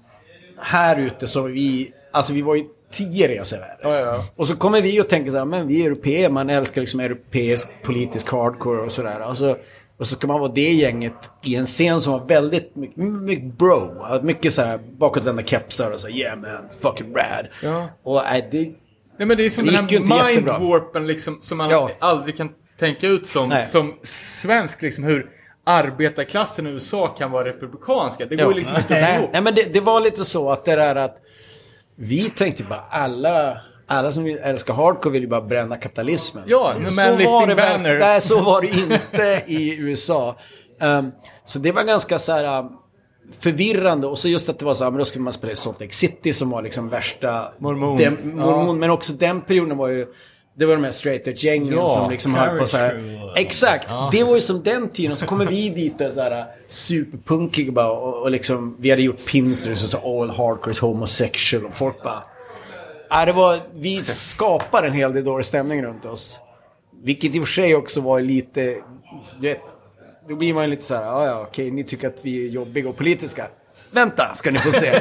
Vart väldigt, vi reagerade ju ganska mycket så också. Bara, Ja, men fuck it, då ska vi vara liksom värst. Ja. Ehm, och det vart ju, vart ju dålig stämning mellan oss och Snapcase-killarna för de tyckte att vi var liksom otacksamma. Och jag kommer ihåg att vi, vi spelade i New Jersey så sa imorgon ska vi till New York för första gången och ska se The Statue of Liberty. Den här låten heter Burn. och så, vad heter det, då kom, kom trummisen efteråt och var så här, det så där kan du inte säga. Och det vart dålig stämning. Eh, vilket jag tar på oss ganska mycket av den, att vi var ju ganska obstinata. Men är det väldigt stor kulturkrock, verkligen var det för oss. Ja. Nej men jag förstår det för att jag hör ju till, till den gruppen av hardcore kids, alltså du vet, puritanerna Mm. som kände ett så enormt svek. Mm. Alltså, Refused till Shape, Shape of Punk, men framförallt Final Exit. Alltså det var ju mitt bästa band. Alltså jag dyrkar ju Teg, det var ju liksom det coolaste och bästa jag någonsin har hört. Mm. Jag, lev, jag lever ju fortfarande, det är det bästa jag vet. Ja, tillräckligt för att vi ska stanna bilen mitt i vägen och gå Ta på tegskylten, det måste man väl göra. Men sen när Umeå-skivan kom så blev jag så jävla besviken. Och den här turnén, liksom för att det, det är vart från... Nej men typ, Project X kanske också var ett skämt, jag vet inte. Men från Project X till någon... Att det var liksom en parodi på hardcore. Och jag tog det så jävla personligt, jag var så jävla lack alltså. Förlåt. Men- det var ju det. Alltså, så här, Ja men det du var, vet, man nej, men- 14, nej, men 16 åring, man jag- kan inte ta in Nej, sådana nej, grejer. och man kan inte liksom se nyanserna på något sätt. Utan man bara... Och, men det var ju det. Det var ju en parodi på hardcore. Fast väldigt mycket med hjärta för vi älskar hardcore. Och jag tror att helst vi gjorde liksom teg att det var så här. Refused höll på att bli någonting som var... Alltså inte mainstream är verkligen att ta i. Men vi vart Grammis nominerade. Ja. Man åker runt och turnerar. Ja men det var ju på överallt, Ja men precis, och vi syndes, precis, liksom. vi syndes överallt och vi vart liksom någon slags pionjärer för någon ny ungdomskultur. Och jag menar, vi älskar ju old school hardcore. Vilket Refused faktiskt inte alls vart, utan vi vart ju någonting annat. Vi var ju utvecklade och vart något annat. Så Final Exit var ju väldigt mycket ett sätt för oss, bara vi älskar old school hardcore. Och jag menar med Umeå, det är ganska punkiga låtar. Den är liksom lite mer så här eh, ett slags korssnitt av den hardcore punk vi älskar. Eh, Så det är gjort väldigt mycket liksom på skämt, lite med glimten i ögat, men med en otrolig kärlek till det. Sen då vi gjorde den där Sverige-turnén, det var också så här, 97 är det. Så vi håller på att spela in Shape of Punk, eller om vi precis har gjort det, eller om vi precis ska göra det. Vi extremt pretentiösa och ska samtidigt åka ut och göra en Fine Lexi-turné. Så det blir något så att vi tar det här liksom hela vägen runt. Det, det blir liksom något så här superslamsigt vart det ju. Och det var mycket så här... Ja, men My Bursens gonna kick your fucking ass. Ja, ja men det var... 12 versioner på rad med Ja, bara nej, det var trummor. mycket sånt. Och så skulle det vara så här... Vi skulle ha liksom, vi hade så här Circle Pits runt huset och upp, till, upp på kvarteret och... Ja men det var, det vart väldigt så här, Sen tror jag också så här, det var en sån här grej. Första tre spelningarna var nog mer... Då var det nog mer vanliga spelningar. förstår, Sen ja. eskalerar i någon så här äh, uttråkad tristess. Eh, det var ju svinkul, men jag kan också förstå att... För, för det var också, skämtet var också att vi gjorde intervjuer som Final Exit, vi snackade ganska mycket skit om Refused. och det var ju då vi kom, jag kommer ihåg då vi spelade på 44 med, med Final Exit och så började vi rigga upp och så hör man dem bara Nej, nej, nej. Är det här Fine Lexit? De där idioterna. Man bara, ja. Så att, det var inte alla som visste. Och det var också Okej. att folk var helt så besvikna för att bara, nej, det är Refuse killarna. och Fuck, liksom. Jag trodde att det här var några äkta, äkta råa jävlar. Um, sen då vi gjorde återföreningsspelning med Fine Lexit, då var det som ingen flams alls. Då var det som bara en jävligt bra hardcore-spelning. Det var, det, det var ett gig i Umeå. Ja. Ja. När var det? Och när kan det ha varit? 2000, jag på säga 2008 eller något sånt där kanske. Ja, det var svinkul. Men, men då var det väldigt så här. Men det, sen också så här, då man, då man är liksom... Det är lite oseriöst. Och sen är det ju en platta som för jättemånga var viktiga Ja, skivor. ja, ja. och då blir det så här, ah, shit, det är ändå som att folk tar det på allvar. Eh, så att det tror jag liksom, arvet av Final Exit har blivit något annat än kanske vad det var från början. Men jag tycker det är svinkul att, att du vart rasande. Jag ber, jag ber väldigt mycket om ursäkt. Att, Men alltså, det var ju... Ja, men, många av mina hardcore-polare, speciellt de som var liksom aktivistkidsen, Ja. de, det landade ju precis lika bra hos dem som det landade dåligt hos mig. Ja, Så jag vet ju all folk virke och liksom... Det finns ju två, två generationer av, av både Final Exit-fans men också Refused-fans. Men, det, det, det som är så spännande också, som jag vet inte om det har pratats så mycket om, men liksom det, efter att ni hade lagt ner så måste det ha hänt någonting. För Refused var ju ett stort band. Alltså ni spelade ju största scenen på Hultsfred och vi hade ju varit med i många år liksom.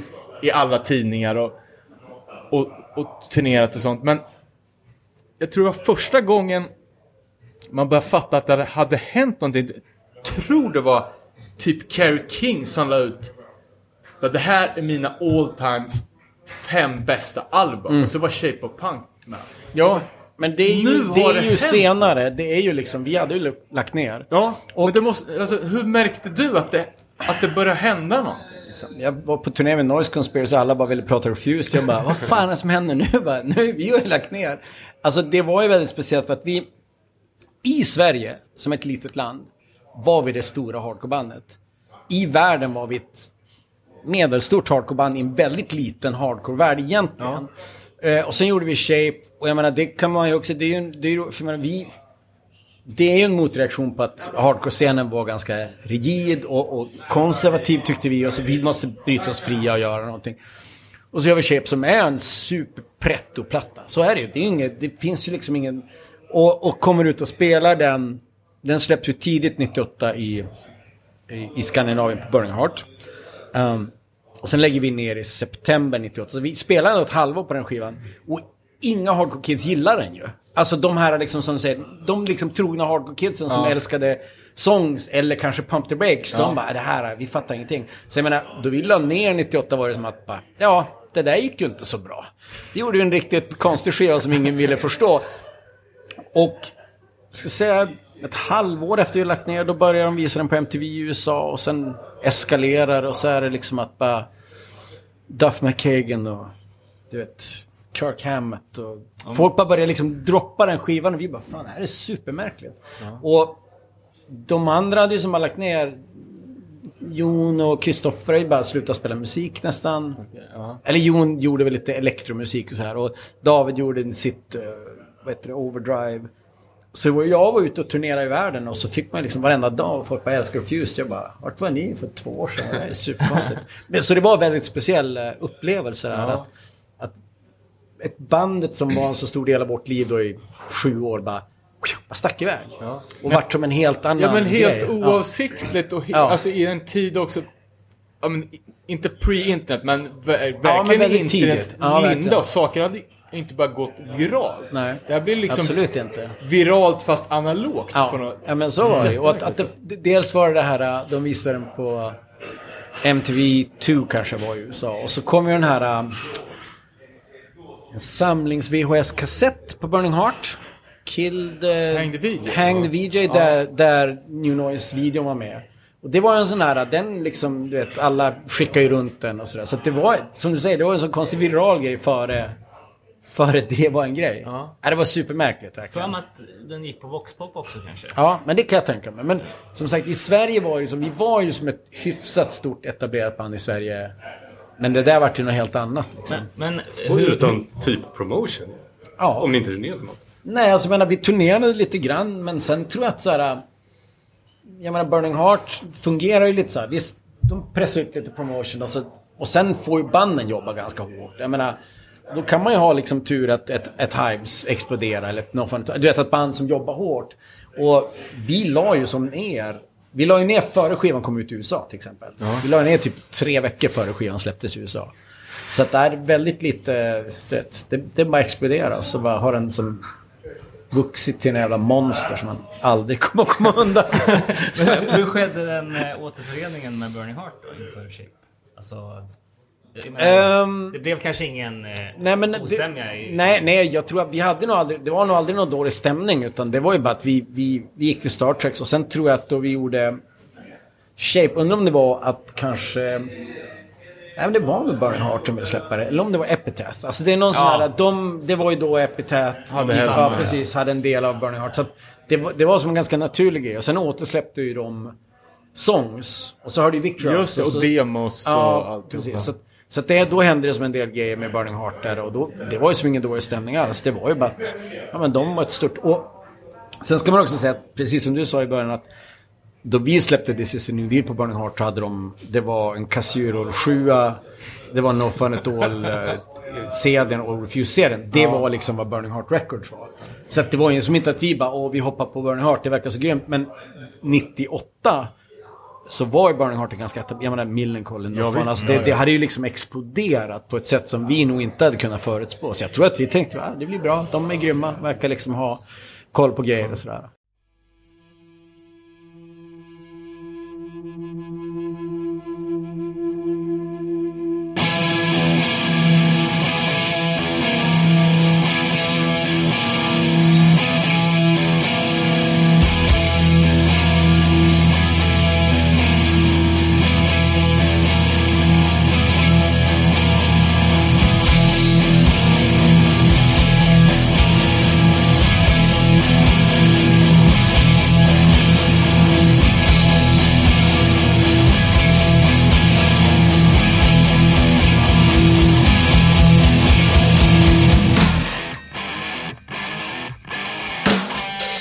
Jag pratar ju, jag skulle behöva prata hela, hela kvällen om Desperate Fight också. Vi bara inte verka oproffs utan förberedda frågor. Nej, Men vadå, vet, äh, har ni pratat med José om Desperate Fight någonting eller? Ja, det har vi. Vi gjorde Just det. faktiskt ett avsnitt med honom typ 2015 eller Just någonting. Men, men då var han bara med på luren. Men då var det liksom, vi gick igenom lite släpp och så. Mm. Men eh, vi hade väl tänkt att gå till eh, sybutiken. Eh, Ja, men Olssons tyg. Olssons ja, tyger, ja, ja, precis. precis. Men, Olssons- och ta lite bilder. Men, eh, Ja, ja. Eh, vad heter det? Desperate Fight. Alltså, José och Abinanda. Jag hade ju haft två, eh, ett skivbolag tidigare. Jag hade haft Umeå Hardcore Records som släppte alla kassetter. På Olssons. På Olssons. Vi var där och hängde. Vi, och så snodde, sen snodde vi en kopiator. Vi gjorde inbrott någon lokal och snodde en kopiator, vilket är också helt sinnessjukt att göra. Nu kan jag, alla- men då en kopiator kostade sig 30 000, så bar vi den liksom till syndikalistlokalen där vi var och hängde. Eh, Så kunde vi kopiera omslag och grejer där. Eh, men i alla fall då, då de startade Abinanda var det ju som, det var ju som ett plojband. De startade som 100% ploj, att de hade så här Krishna-kläder och bara... Jag var så in- att de skulle spela surfrock. Ja, de, Country ja, de, ja, men de kunde typ inte riktigt spela. Och så var, jag menar, det var Jonas som var med och det var liksom vårt gäng, fast du vet de som inte spelade Refused. Så att i början var jag Benanda ganska mycket som att vi uppfattade dem som, det var våra polare som plojade hardcore. Och sen gjorde de Darkness och Ignorance eh, CDn. Och så var det som att jag bara, vadå har ni släppt en CD? Så sjukt. Och då var det som att jag bara, du vet, strong-armade mig in. Jag var, jag är också med i Desperate Fight nu, eh, från och med nu. eh, så att, så var det. Sen var det ju, José var ju jättemycket liksom drev eh, operationen. Och jag var väl, nu ska man kunna säga att jag var en A&R eller hype man. För jag menar, jag var ju jättemycket den som drog ihop de här samlingarna och liksom såg till att banden spelade in och jag bara, ah, vi borde signa de här, vi borde släppa de här. Medan José fick ju den kanske liksom otacksamma uppgiften att få det att hända medan jag bara, du vet, stod med Desperate Fight-flaggan och skrek bara det här är suveränt. Så att, eh, så var det. Sen var det Var Jampe med på ett hörn? han var nog där och praktiserade ett Okej. tag. Vi hade, ju, vi hade ju ett kontor där liksom... Ja. Jag lyckades också så här mygla mig till någon praktikplats och grejer sådär. På sitt eget företag? Det är... Ja, faktiskt. så att, men det var ju grymt. Och sen då vi turnerade med Refused, jag var ju alltid med bara så här 400 CD-skivor som jag stod och sålde efter spelningarna med Desperate Fight-grejer och sådär. Så det var, det var ju mäktigt. Men mycket José var ju...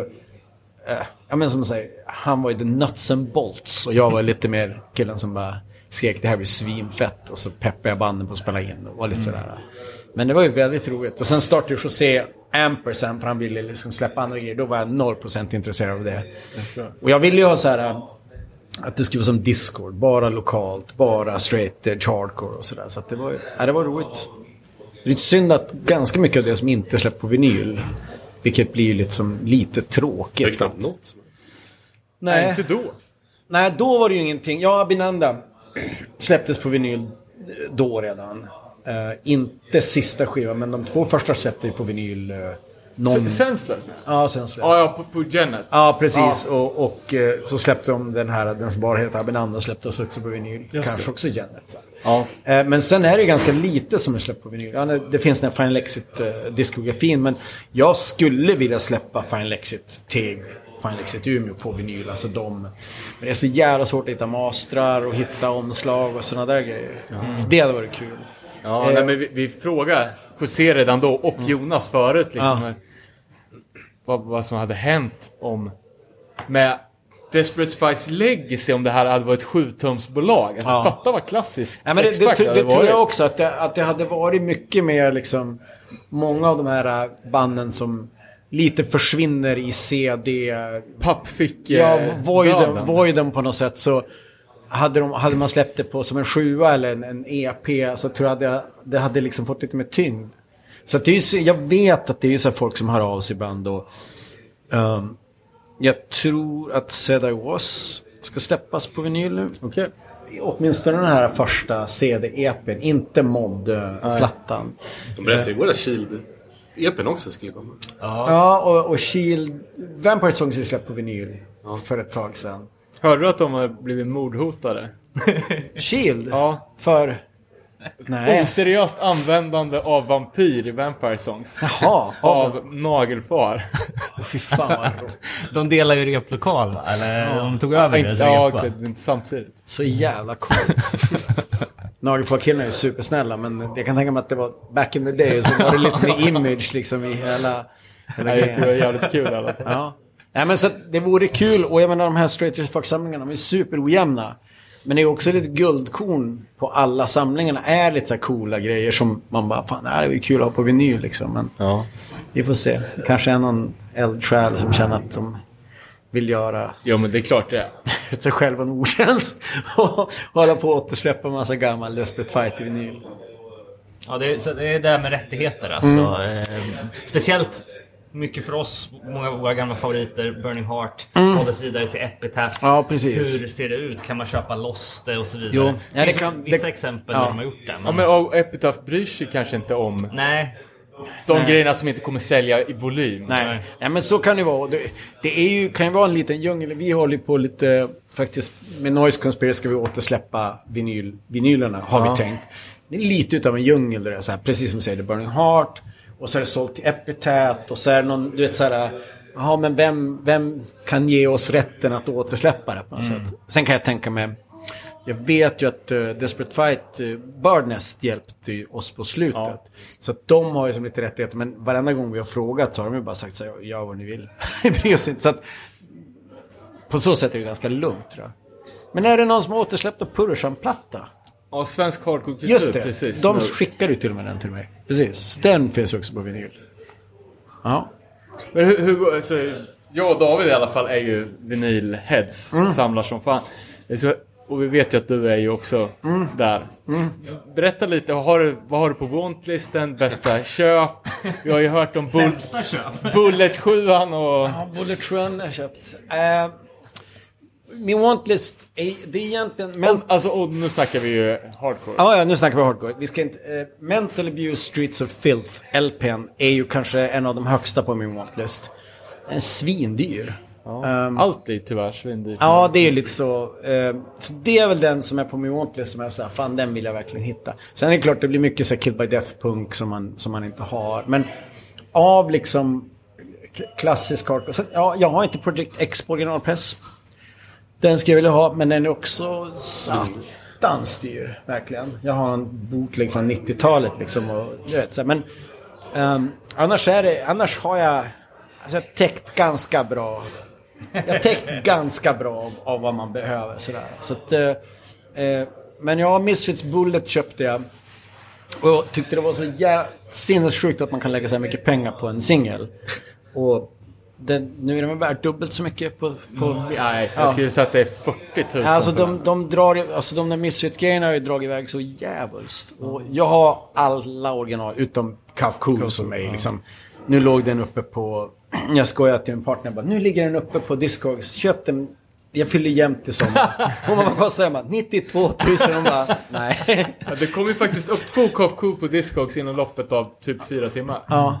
100 000. Runt 100 000 Ja, styck. ja, 92 var ena vet jag. Ja, 100 på den andra. Eh, Och den, den var någon gång... Eh, man var på en skivbutik och så hade de den, så kostade den 18 000. Alltså det här är ju Ja. 10-12 år sedan. Och jag bara, nej jag har inte råd, det är så jävla mycket pengar. Och det ångrar man ju bittert idag. så att, nej, den är väl på wantlist, men den är också så här vissa... Nej, det går inte. Och likadant första Big Boys... eh, Big Boys Fat Cars är också så här alldeles för dyr liksom. Men, eh, men annars har jag ändå täckt ganska bra... Ja, mycket skivor. Eh, Har, har, du, har du läst On Earth As It Is In Hell, fanzinet som kom? Eh, för det, det är just Misfits-relaterat då, att de har under många år jobbat med en metod att ta fram hur många pressar det har gjorts Ja, just det. release. ja, liksom. för det är inte superlätt med de här Nej. Misfits, eh, vissa av Plan-grejerna.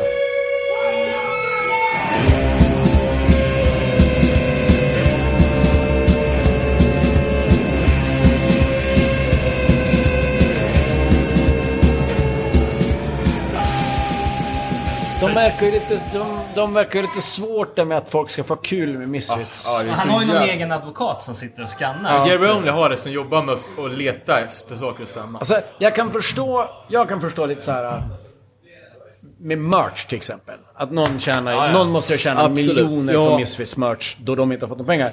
Eh, Och lite bootleg så att man kan bli, jag kan bli lite som skivsamlare, lack på att det kom, du vet, man bara åh den här, så bara, nej det är en bootleg. Lost and found. Ja, men, men just det där, alltså, att man gör en bok, för den där boken var ju så uppenbart en hyllning. Ja, det är går fan. inte. Ja, vi, vi älskar Misfits och så var det ju så här. tjänar Ja men, pengar på det, de förlorar ju pengar på det. ja men precis. Ja, Fy fan vad konstigt det där är. Alltså då, de hade hållit på i fyra år med fanzine nummer två. Jävlar vad galet. Och det är en, det är en tegelsten. Ja. Alla singlar, de har gjort... ja men de har ju jobbat som fan på det här. Fan vad mäktigt. Och månader innan de ska gå ut med en pre-order för det här. Ja. Så får de höra om den här advokaten som letar efter saker att stämma och får en liksom inside-varning att om ni går ut med det här så kommer ni åka dit.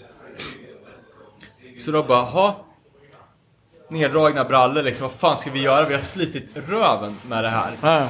Vi kan bara sälja den typ till kompisar. på pre-order, vi kommer inte kunna lägga upp det på en hemsida utan vi säljer Ja, ja. och sen får vi dra ner gardiner och aldrig prata om det. Fan vad konstigt. Sånt jävla antiklimax. Men, men det är ju så märkligt för. Jag tycker att en sån här grej borde ju gynna Ja. Misfits. Att de borde säga så här, shit vad mäktigt. Här får ni betalt, vi kan släppa den här på riktigt. Ja. Och, men, men det är så jävla konstig grej att hålla på sådär, ja ni älskar Misfitsen, då stämmer vi. Man Ja, men, ja, de har ju köpt Misfits-skivor för bokstavligt talat en miljon. ja, ja, det kan jag. Det borde, då borde man liksom få den Jo. klappen på ryggen Ja. från Glenn och Jerry att det här är ändå bra grej. Fan jävla. Vi, vi spelar med invasionen i um, LA, Glenn Danzig historia. Och så han London May som var med i Sam Hain. Vi hade som ett projekt ihop ett litet tag som inte vart något. Ja, vi hade som en... Vi spelade in lite låtar tillsammans för några år sedan som bara rann ut i sanden. Men då ringde, då var han så här, ja men ni ska spela med invasionen, jag kommer. Och så hade han ringt Glenn Danzig och sagt du borde komma, invasionen är grym och du borde komma. Då hade Glenn Danzig sagt så här. Yeah, I mean your friend sounds great but i can't go to fucking club. För att han vill liksom sitta i VIP-läktaren med några livvakter. Det var ju bara på The Troubadour som är bara som en vanlig rockklubb. Han bara, nej men jag kan inte gå på en vanlig blir rockklubb. för stök. Det blir för stökigt. Så han bara, Det skulle det i och för sig kanske ha blivit. ja. Sen var jävligt, vi, vi såg dem på Riot Fest. Vi spelade... Första? Nej, andra, för första var väl i Texas och den andra var i Chicago. Visst, eller hur? Jag tror det var Chicago först, men jag vet Ja, inte. Okej, vi var i Chicago i alla fall. Eh, det var så jävla roligt för då var vi som backstage och hängde så här. Och så helt plötsligt glider liksom Jerry Only in. Och bara kommer ut i någon enda camper. I full liksom mundering. Och står och lyfter vikter. Och man bara... Det här är så sjukt. Bara, du, du vet. De Bara lever. Ja, scenen. stod bara bakom för scenen och bara liksom lyfte vikter i full muskelmundering. Man bara, det här är så jävla konstigt. Var det bra? Ja, det var svinbra tyckte jag. Alltså, För du har väl haft Misfits coverband också? Ja, ja. Skulls. Ja, ja. Vi spelade, Refused gjorde en Misfits cover-spelning en gång. Det var jävligt kul. Nej, men så att, nej, jag tyckte det var helt suveränt. För att det var sådär... äh, Jag tycker, man har sett mycket återföreningar. Där gamla punkband eller hardcoreband och så har de blivit duktiga på att spela och så går man upp på Ja. klockan och så låter det lite så polerat. Det lät så jävla grisigt. Det var så jävla mäktigt. För både Jerry Only och Doyle kan typ inte riktigt spela fortfarande. Och det är bara så här rundgång mellan... För han... Um, AC Slade spelar liksom kompgitarr. Ja, ja. så han stod liksom och spelade. Och så, och så Dave Lombardi på trummor, ändå bra, Bra. liksom. Men just att Jerry Only och Doyle bara, står stämmer liksom i PA. Så här, så här rundgång och... Alltså det var så här skönt grisigt. Det var inte alls sådär... uh, Nu är det tight och polerat. Utan det var som att de hade tydligen repat svin lite också. För Glenn Danzig bara, äh, vi kör bara, vi kör bara. De bara, men alltså vi ska spela liksom... Det är 40 000 pers. Han bara, ah, okej vi repar en gång. Alltså du vet, de har repat ganska lite. Så äh, jag tyckte det var helt, det var helt magiskt faktiskt. Eh, Vi har ju några polare som har varit där. Så, så alla har ju sagt att det har varit bra. på Nej, det var helt sjukt. Jag, jag var lite så här, ja men jag älskar Misfits. Och lite så här att jag älskar Misfits lite för mycket. Kan det liksom leva upp till det? Men alltså jag, jag stod i tårar. Jag bara, det här är så bra. Och då såg, jag, då såg vi Misfits. Såg de ju, de gjorde typ första återförening där 96. Med Ah, Michael okej. Gray Ja. såg ju vi. Och första gången vi såg dem då, då var det ganska bra. För då spelade de ju bara gamla låtar. Eh, inga nya från den här American Psycho. Night. Med American Psycho. precis. Så de spelade bara, första turnén var ju bara gamla okej, Misfits-låtar. Och vi såg dem på SO36 i Berlin som var jävligt stökigt. Och så efter de hade spelat liksom ett helt grymt sätt, då började de bara ta request. Och bara, vilka låtar vill ni höra? Och så skrek vi, ja då kör vi den. Så det var ju som grymt. Ja. Men det var ju en, det är inte Glenn Danzig så det var ju liksom, men ja. Ja, Jag, jag såg dem på Hultsfred 98 kanske. Nej, det var inte så bra. Jag tyckte det, jag hade ju, Ja. alltså jag tyckte det var bra, men jag, jag vet ju att det var inte så många som gjorde det. Nej, jag tyckte det var gräsligt. Men, men som, som det kan vara. Då hade vi ändå sett, jag hade sett, för de spelar ju också på... Värnerrocken spelar de ju också. Just det, med. Integrity. Ja, precis. Vilken jävla drömline. Ja. Jävlar! Det var... För då spelade vi med Refused också. Och Frodo spelade. Och, ja, det var jävla... Det var bra. Ja. Det var roligt. Ja, Integrity, det är ett annat band som man eh, får... Det får man välja om man ska samla Integrity eller om man ska samla på Hardcore Vinyl. Ja, och det finns en hel del Integrity-grejer. Han är lite läskig, vet han. Dvid. alltså på ett härligt sätt. Han lite... Jag träffade honom en gång, då var han lite läskig. Alltså, han hade så här... Eh, Kontaktlinserna? Som var så superkonstiga. Han bara, hey man, what's up? Jag bara, "Ah." jag går hit bort. Ja, det var ju på Seasons-eran när han körde med Ja. linserna. Så totalt. Han såg helt helt galen ut verkligen. Ja, där finns det också Men det, det var ett band som jag tror också så här, jag tror man kanske inte förstår, men vi älskade verkligen, alltså både med Final Exit men också Refuse, att vi tyckte att den of Iniquity, alltså vi tyckte det Ja. verkligen var supermäktigt. För det var så jävla rått. Och så den här Ringworm, eh, Ringworm-plattan som kom där också, slut, mitten av 90-talet. Alltså det var för jävla bra grejer verkligen. Ja, det är det. Clivo-soundet. Ja, verkligen. Riktigt rått. Och så här, så härligt man kan se en scen där bara, det här är, det är som bara jobbigt. Allt som kommer på Cleveland är bara lite jobbigare, lite grisigare. Ja, det är fan grymt. Jag kan berätta om ny musik. Ja, Eh, just det. Det skulle du säga också. Invasionen är kanske inget uh, nere på noll podcast material riktigt, men... Jo, fan alla. Ja, det är bra. Alla det är ganska mycket hardcore-kopplingar i vårt band ändå. Det får man väl ändå säga att, att, eh, att med André och Sara och jag. eh, Ja, För att du och jag älskar ju sån musik. Ja, typ man sitter i dimensionen. Det är bra. Så vi kommer med en ny skiva i juni.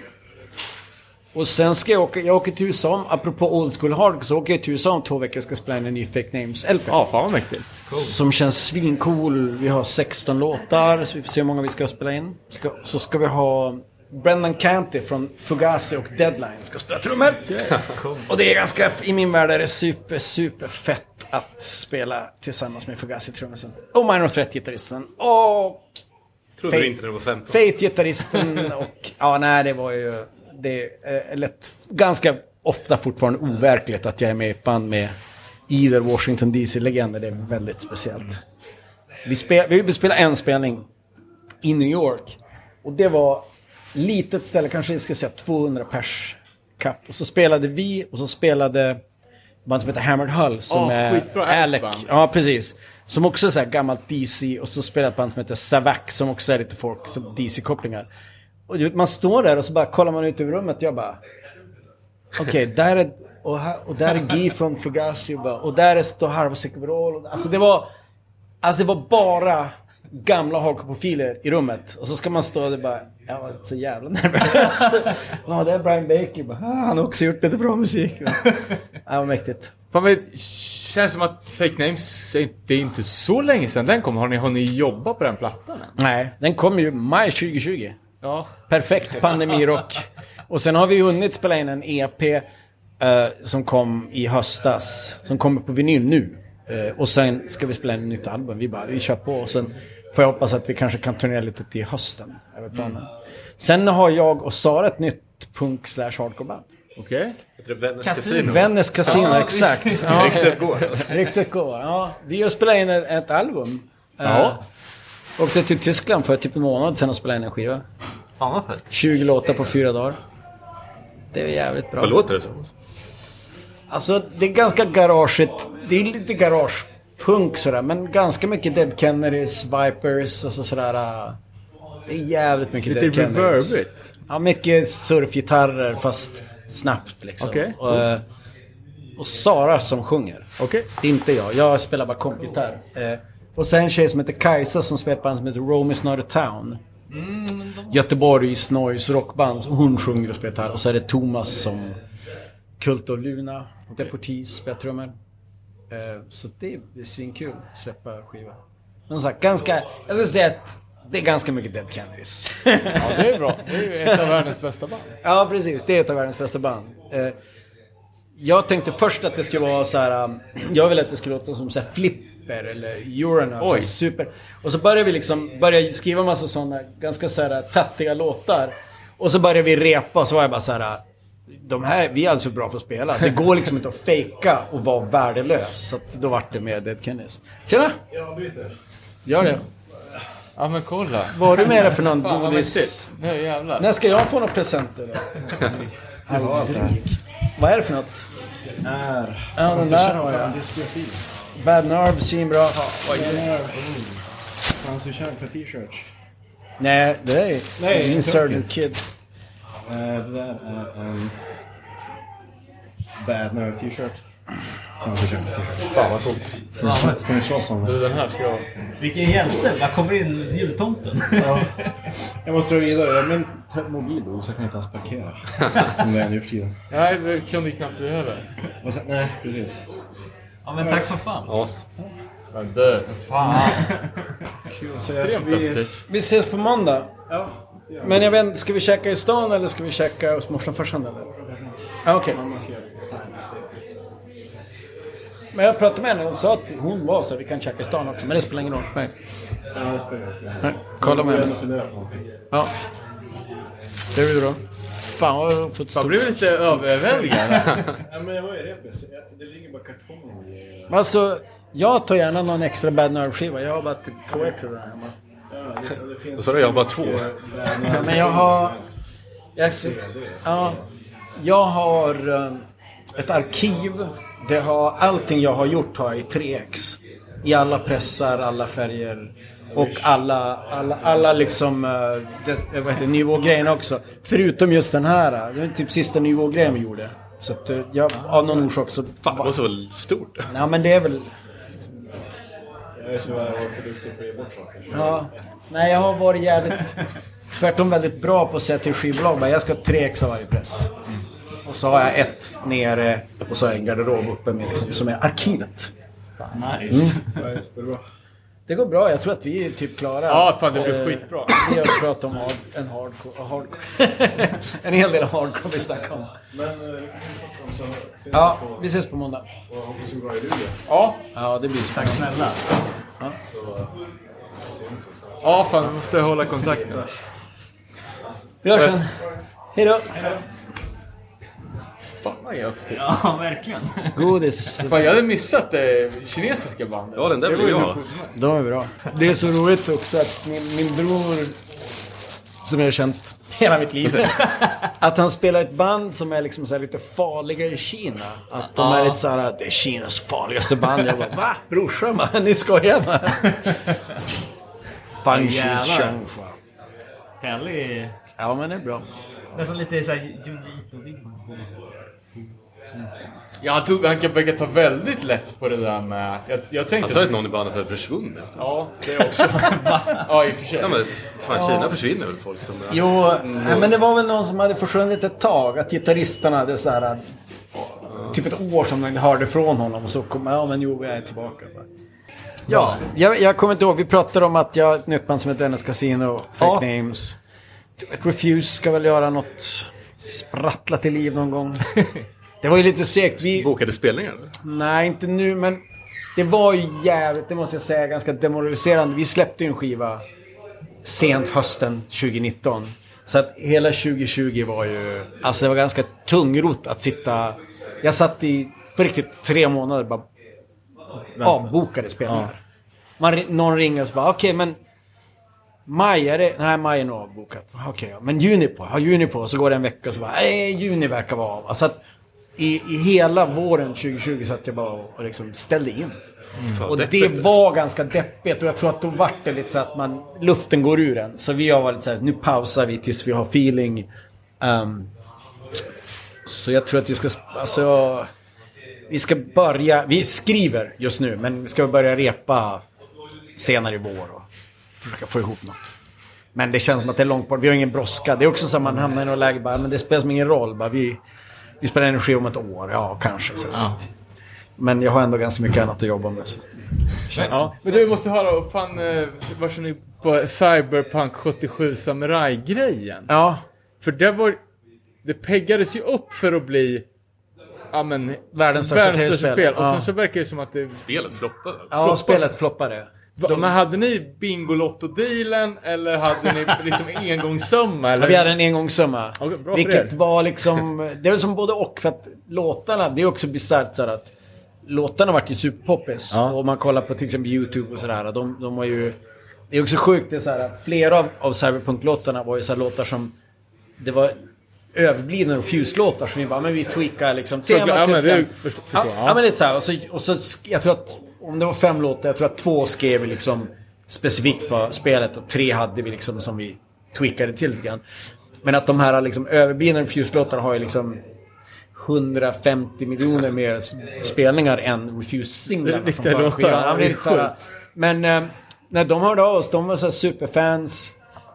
Eh, Det är polacker som gör det. Ja, polacker. Och bara frågade sig, vill ni liksom göra det här? Och vi bara, ja. Har precis blivit klara med War Music. Så vi var så, ah, ja, ja, men fan.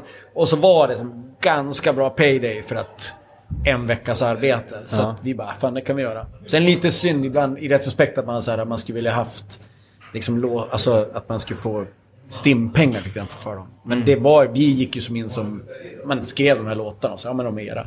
Men det ska släppas på vinyl.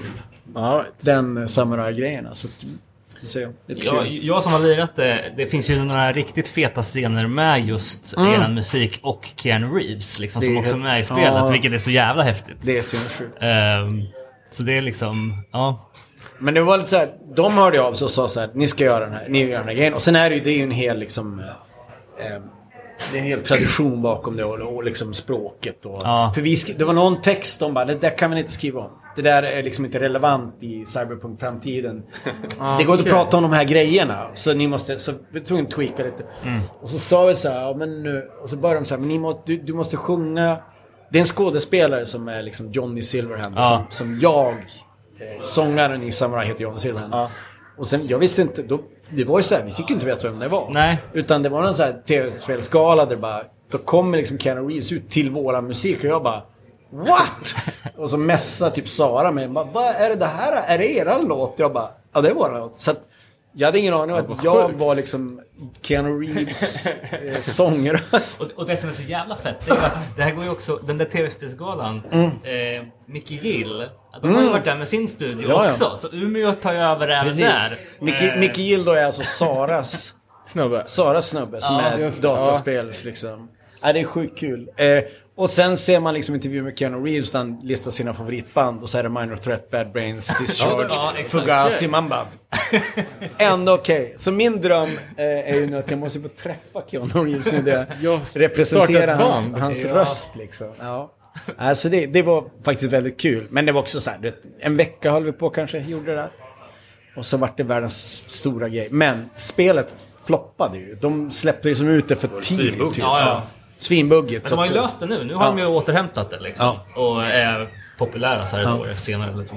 Okej. Så, Ja. men, eller jag minns inte ens när pandemin alltså, tar över. Men det kom, kom det 2020 eller kom det 2021?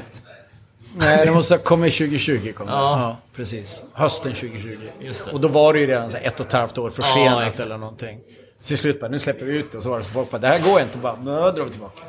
Men de släppte ju ja. faktiskt eh, riktigt coola såna här små dokumentärer, CD Projekt på Ja, YouTube. när ni och då med. är det faktiskt ändå vi är, då vi är liksom håller på att spela in. Det var väldigt speciellt. Då kom det dit en polack som var någon sån språkkonsult som skulle se till att jag sjöng på ordentlig amerikanska. Okej. Alltså jag stod kokade kan jag säga. Han bara, no, it's pretty good but it's more uh, cuz. Jag bara, och så du vet man står och skriker allt vad man kan. Och så är det någon som polack som håller på så här. Det där var inte riktigt bra. Ditt uttal på det ordet, jag bara... Ah, jag har liksom ingen... Jag står och skriker allt jag kan. du inte, hinner inte tänka på liksom... Ah, det var fy fan, jag kokade. Man ser den här dokumentären hur jag liksom bara... Ja. Jag säger något så här, ja, lite speciellt så. Ja, fan, jag håller på att tappa det. Ja, det är också kul för att den föregicks av en episod tror jag, när de pratar just om hur, hur fixerade de är vid språk. För deras andra spelare har också uppfunnit egna språk och sådär. Liksom. Mm. Ja. De har väldigt liksom, stort fokus på det. Men kul då att de kom in och styrde dig. Ja, men jag kan tänka mig att de är jävligt känsliga. Alltså, polacker ska göra amerikansk. Att de Jo. Är väldigt Ja, det var, på väldigt, tårna. det var liksom. väldigt speciellt. Och så var det som att, ja, men, jag skulle ju vara liksom Keanu Reeves sångröst. Ja. Så jag skulle ju låta så amerikanskt som möjligt. Men man bara, men ni anställde oss för att sjunga. Det är så här jag sjunger. Jag kan inte hålla på att ändra på liksom mitt uttal. Ja, det blir svårt. Ja. Men det var kul i alla fall. Så det kom på vinyl. Så det är liksom... Fan, man, man, Är, är det några nya Umeå-band som du skulle vilja lyfta fram som du lyssnar på och tycker är feta? Ja. Eh, vi har ju redan pratat om Dream Warrior. Ja. Eh, inte i On the Air, men Dream Warrior är svinbra. Och sen tycker jag ju att uh, Lepper är jättebra. Och Exil, nu bor ju de i Stockholm, men det är ju bara... Den var ju också fet. Den är svinbra den Och skivan. släppte vi Vinylklubbs edition på. Ah, På okej. sjuan. Ja, de är, Ögat. Lepper är jättebra också. Så det finns en del eh, fina grejer. Sen så är det kul, Jonas något nytt hardcore-band. Eh, brorsan. Och sen tycker jag Left Hand of Darkness tycker jag är jättebra. Mm. Det är lite mer metal, men jag tycker att det är en väldigt bra, bra band. Så det finns en del. Det Mm. puttrar liksom på. Ja, vi fick en riktigt lång lista och Ja, snacka, jag tror vi måste ha nämnt minst 20 band när vi gjorde Ja, ja. den andra intervjun. Ja. Det verkar bubbla rejält här. Jo, men jag tror också att pandemin, det är som så svårt. Jag menar, det var ju... Nu var det lite grejer i höstas, men det var ju typ två år sedan man fick gå på spelningar. Så jag har inte hunnit... Det är många som vill ut och spela liksom. Ja, fan. Eh, Tusen tack! tusen tack! Ja, det var, det var svinkul. Man älskar ändå att snacka hardcore. Det är Ja, det gör man fan. Ja, det gör man fan.